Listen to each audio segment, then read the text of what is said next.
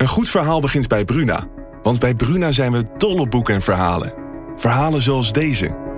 De slagen van de noodklok dreunen over het dorp. Zwaar en dreigend. Ze overstemmen de gemoedelijke drukte op de markt. En alle handelingen vallen stil. Wat zou er aan de hand zijn? vraagt Oda ongerust.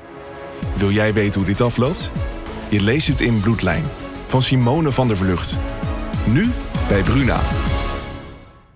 Een goed verhaal begint bij Bruna. Want bij Bruna zijn we dol op boeken en verhalen. Verhalen zoals deze. De mist kwam uit de baai opzetten en besloop langzaam het Victoriaanse huis op Blake Street. Drong door de houten kieren naar binnen en bleef in dunne sliert in mijn kamer hangen. Ik lag te rillen onder het dunne dekbed. Wil jij weten hoe dit afloopt? Je leest het in In de mist van Golden Gate Park van Murat Isik. Nu bij Bruna. Deze podcast is mede mogelijk gemaakt door Tuinbeurs Nederland.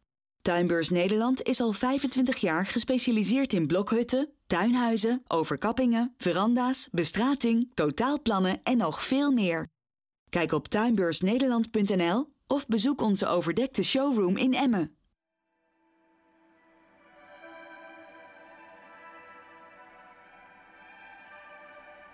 Nou, wat ik heb kunnen zien, dat zag je ook de beelden van de opsporing verzocht en ook op foto's die wij hebben, dan zag je dat zij de luxeflexen dicht had. Aan de voorkant. Aan de achterkant waren haar gordijnen open en er brandde nog licht. Want ze wilde stond op punt om naar bed te gaan. Ze had haar contactlens uitgedaan, ze had haar uh, oorbellen uitgedaan. En op dat moment is die insluiper via de achterkant van de woning binnengekomen.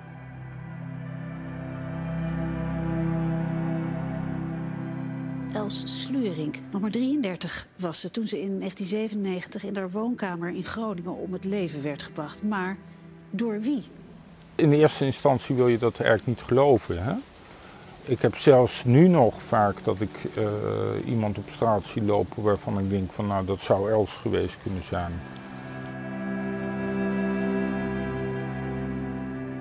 De focus van dit onderzoek die is dus verlegd. het is natuurlijk nog steeds mogelijk dat Els om het leven is gebracht door een bekende. Um, maar haar dood kan ook het gevolg zijn van een min of meer toevallige samenloop van omstandigheden. En dat zou dus betekenen dat ze haar belager niet heeft gekend. Een nieuw politieonderzoek in een oude moordzaak. Je luistert naar Hongerige Wolf, een podcast van Dagblad van het Noorden, waarin we je elke twee weken bijpraten over een actueel onderwerp. Deze aflevering staat in het teken van de moordzaak Els Slurink. Wie vermoordde deze jonge psychologe en waarom? Ook probeer ik antwoord te krijgen op de vraag of deze zaak ooit nog opgelost wordt.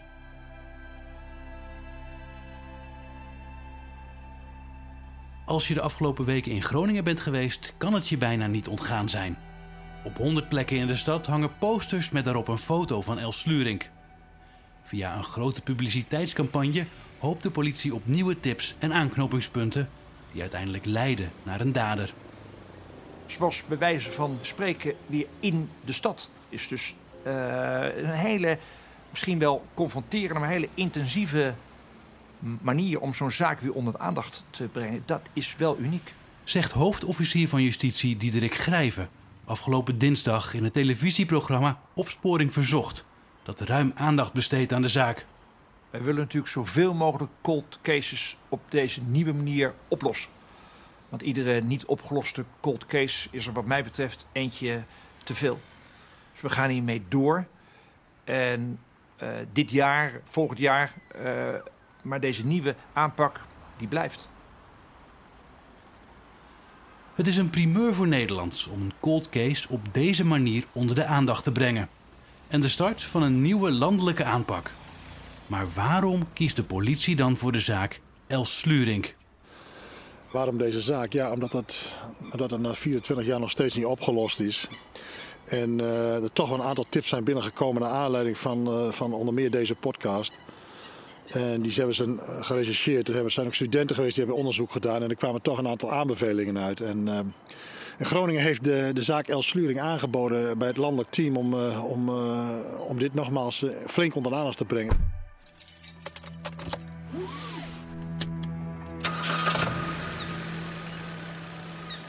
Samen met Dagblad van het Noorden collega Willem Dekker ga ik naar het Van Brakelplein in Groningen. Naar de plek waar Els werd vermoord. Het is voor ons een bekende plek. Een jaar geleden schreven Marijke Brouwer en Willem Dekker een serie artikelen over de zaak. En er verscheen een driedelige podcast. We staan nu aan het Van Brakelplein voor die woning van Els. Het is uh, nu licht. Toen het gebeurde was het natuurlijk uh, stikdonker hier. Ik zie nu dat de Luxeflex een klein beetje open is. Hoe zag het er die nacht hieruit? Nou, wat ik heb kunnen zien, dat zag je ook op de beelden van, uh, beelden van de opsporing verzocht en ook op foto's die wij hebben. Dan zag je dat zij de Luxeflexen dicht had. Aan de voorkant. Aan de achterkant waren haar gordijnen open en, haar, en de, de, de brandde nog licht. Want ze wilde, stond op punt om naar bed te gaan. Ze had haar contactlens uitgedaan, ze had haar uh, oorbellen uitgedaan. En op dat moment is die insluiper via de achterkant van de woning binnengekomen. Maar is die niet via de voorkant gekomen? Ja, dat is het, daar gaan ze niet van uit. Maar die voordeur staat op slot. En uh, Els, is, Els is vermoedelijk ook uh, die avond, toen ze van de videotheek terugkwam waar ze een videoband van de Godfather huurde, uh, is zij vermoedelijk via de achterkant van haar huis binnengekomen, want daar heeft ze haar fiets neergezet. Waarom pikt de politie dit scenario eruit? Ruim een jaar geleden hebben wij ons als Dagblad van het Noorden verdiept in deze zaak. Hebben we met heel veel betrokkenen en getuigen gesproken. En wat eigenlijk opviel was dat er een heleboel scenario's denkbaar zijn. Maar waarom pikt de politie nu deze eruit dat het mogelijk iemand is die ja, toevallig voorbij kwam en uh, naar binnen is geslopen? Ja, dat is voor onszelf ook een beetje de vraag. Die vraag hebben wij natuurlijk voorgelegd en dan geeft de politie tot nu toe geen antwoord op. Wat ze wel zeggen is dat die andere scenario's, is dat het met haar werk te maken zou hebben, of met haar relaties die ze in het verleden had, dat ze dat uitsluiten, dat ze dat door hebben gerechercheerd of uitsluiten, maar dat ze dat niet aannemelijk achter, laat ik zo zeggen. En um, dit is het meest voor de hand liggende scenario, zo moet je het eigenlijk zien. We hebben een, ja, ze noemen het ook sterke, sterk vermoeden dat, zo noemen ze het ook. Dus maar wie het is geweest of wat, ja, dat is de grote vraag. Wie is daar binnen geweest? Hè? Is dat een zwerver geweest? Is dat een, is dat een inbreker geweest? We weten het niet. We hebben net nog even bij de buren gevraagd. Die werden ook, die, de buren van Els, die wonen er nu nog. Hebben net even aangebeld. En uh, een van de scenario's was ook dat de buurvrouw in een badjas voor het raam zou hebben gestaan. En dat dat de insluipers hebben aangetrokken. Nou, de buurvrouw die ontkent dat dus net glashard. Die is heel erg boos momenteel. Die is erg boos. Die zou ook naar de politie gaan en zeggen: Ik word hier neergezet als ik maar uh, hier bloot voor het raam heb gestaan.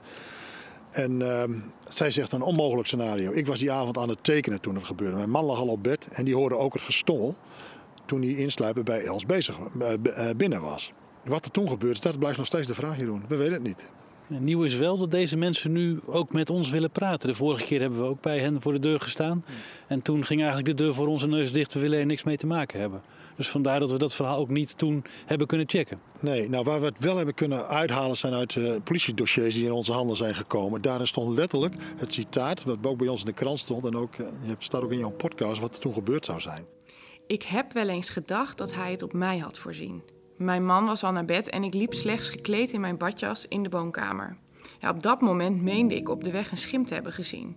Ik werd me plotseling bewust van het feit dat mijn badjas aan de voorzijde nog open was en dat ik dus met ontblote borsten zichtbaar was vanaf de straat.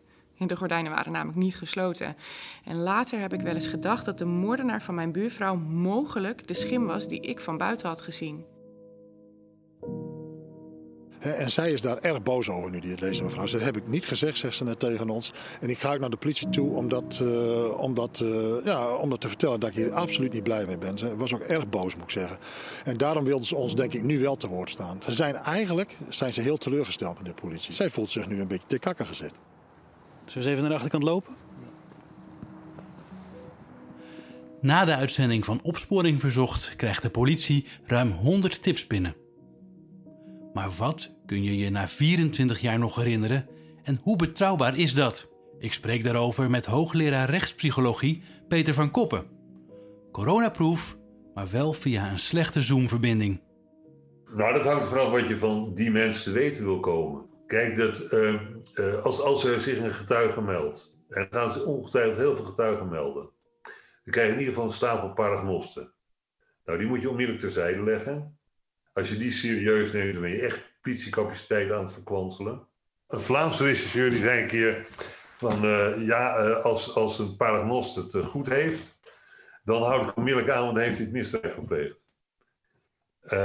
en dat is ongeveer wat je met paragnosten. Dat heeft dus nooit enige zaak opgelost, hè, paragnosten. Maar oké, dus die krijg je, dan krijg je allerlei mensen die zeggen: Ja, ik kan me nog herinneren die nacht dat er dat gebeurde. Dan moet je zo onmiddellijk vragen: uh, twee vragen stellen. Van één, waar heeft u het ons toen niet verteld, zoveel jaar geleden? En uh, de andere is: waarom zou ik uw geheugen nog moeten geloven? Nou, soms komt het voor dat mensen daar een goed verhaal bij hebben.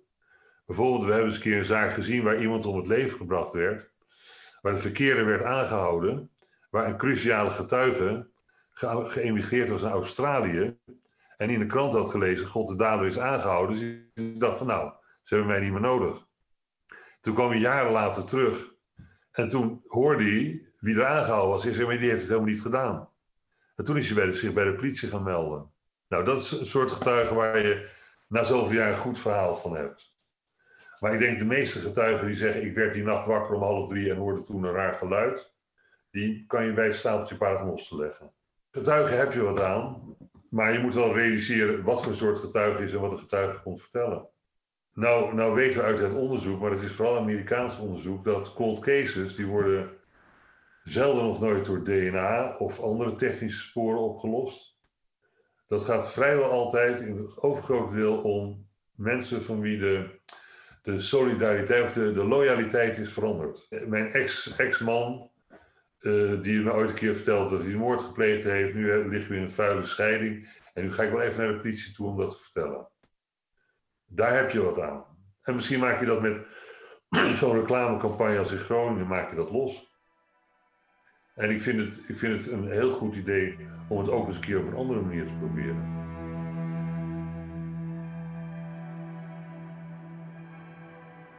Els is dus mogelijk niet door een bekende vermoord, wat lange tijd een aannemelijk scenario was, maar door een volslagen onbekende die toevallig voorbij kwam.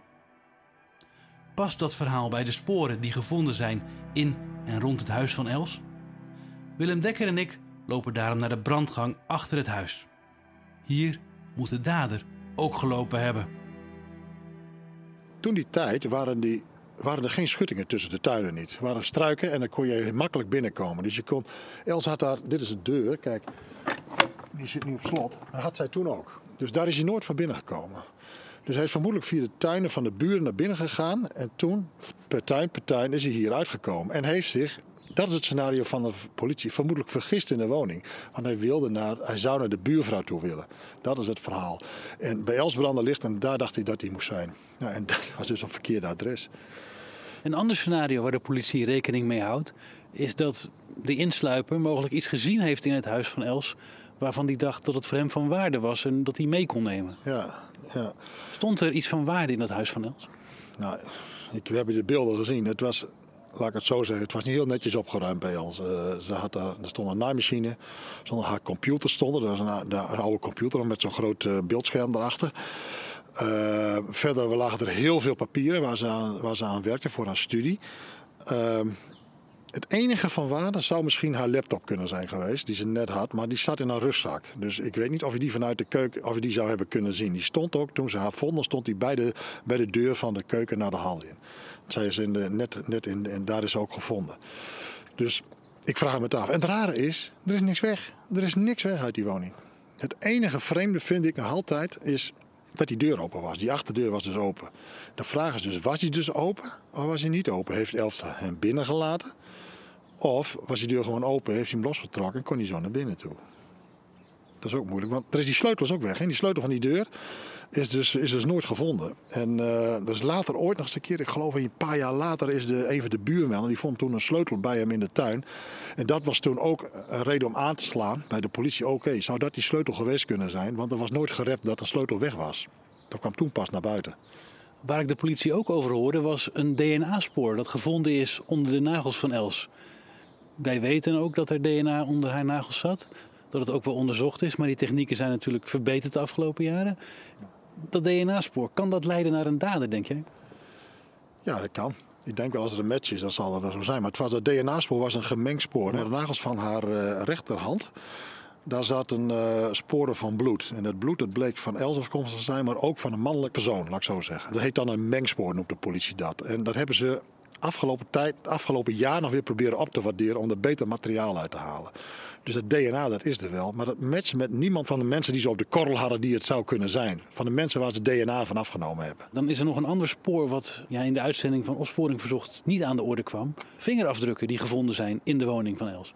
Ja, er was een glas, een Libanone glas, daar staat een vingerafdruk op. Die is gevonden uh, in de keuken, stond daar recht bij het wijnglas van Els zelf. En daar stond dus een vingerafdruk op. En die vinger, dat is voorgaande keren, hè, uh, toen wij die serie ook maakten, wij de podcast maakten, werd daar nadrukkelijk tegen gezegd: we hebben twee sporen. Uh, dat is die vingerafdruk, waar we het net over hadden, en het DNA. En, dan moeten we niet vergeten, die lege kistjes. En die zijn er ook nog, die hier in de tuin, hier zo, zijn af, uh, aange, uh, aangetroffen. Lege kistjes, maat 44 was het altijd. Ze hebben nu een wat ruimere marge genomen. 43, 44, 45. Waarom het glas niet meer meetelt, ik weet het niet. Moeten we navragen, maar de politie is tot nu toe heel erg gesloten daarover. Het houdt me toch bezig, dat glas. Ja, mij ook. Want het betekent toch dat er bezoek is geweest. Ja, dat zou dat betekenen, ja. ja. En we weten niet wie daar op bezoek is geweest. Nee, dat weten we niet. En, maar, dat, zeg maar heeft zij iemand anders overdag een, glaasje, een glas gegeven? Ik weet het niet. Is het nog van een oud glas waar misschien nog een vingerafdruk op zit? Ik heb geen idee. De, huis, de, uh, de werkster die bij haar is geweest, die zegt dat ze de glazen heeft afgewassen die dag. Dus dan zou er tussen die tijd dat Elders thuis kwam om een uur of vijf, zes, zou, zou er dus iemand anders bij haar geweest moeten zijn die dus dan een glaasje uh, water of iets dergelijks, of een limonade, wat het ook maar was, uh, hebben genomen. Want Elsa haar wijnglas stond wel op het, uh, stond wel op het. En ze had s'avonds een glaasje wijn losgetrokken toen ze die film keek. The Godfather 3.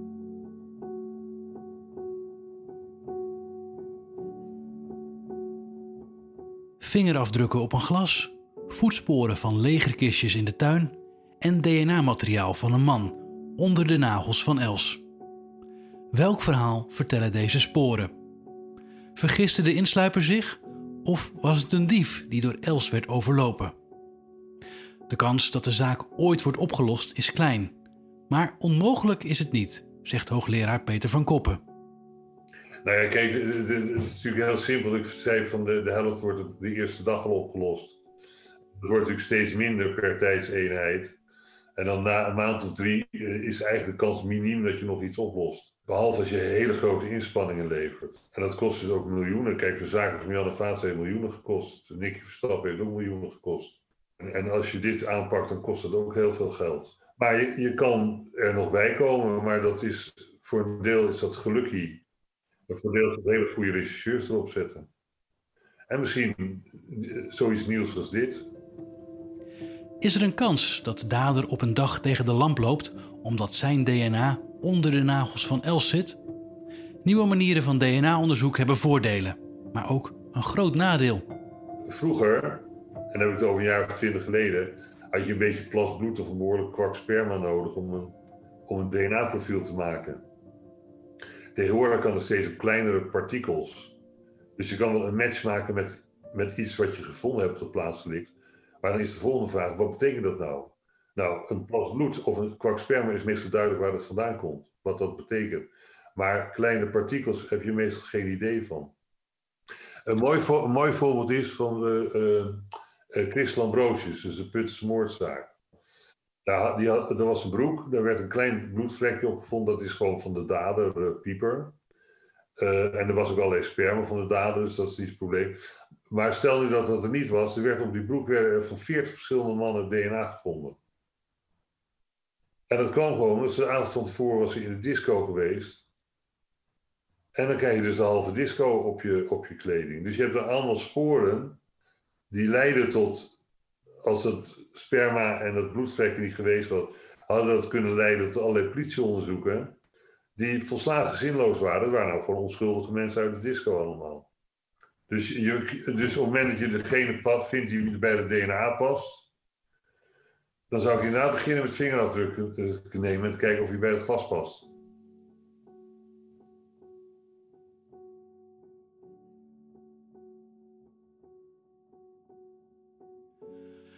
De tips die bij de politie zijn binnengekomen gaan vooral over de schoenafdrukken van de lege kistjes.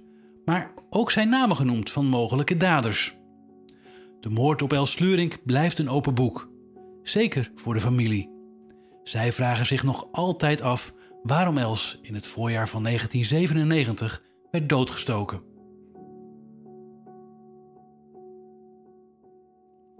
Dit was Hongerige Wolf voor deze week. Over twee weken zijn we er weer. Genoot je van deze aflevering? Laat dan een recensie achter in de podcast-app. Dan help je ons, zodat meer mensen deze podcast kunnen vinden.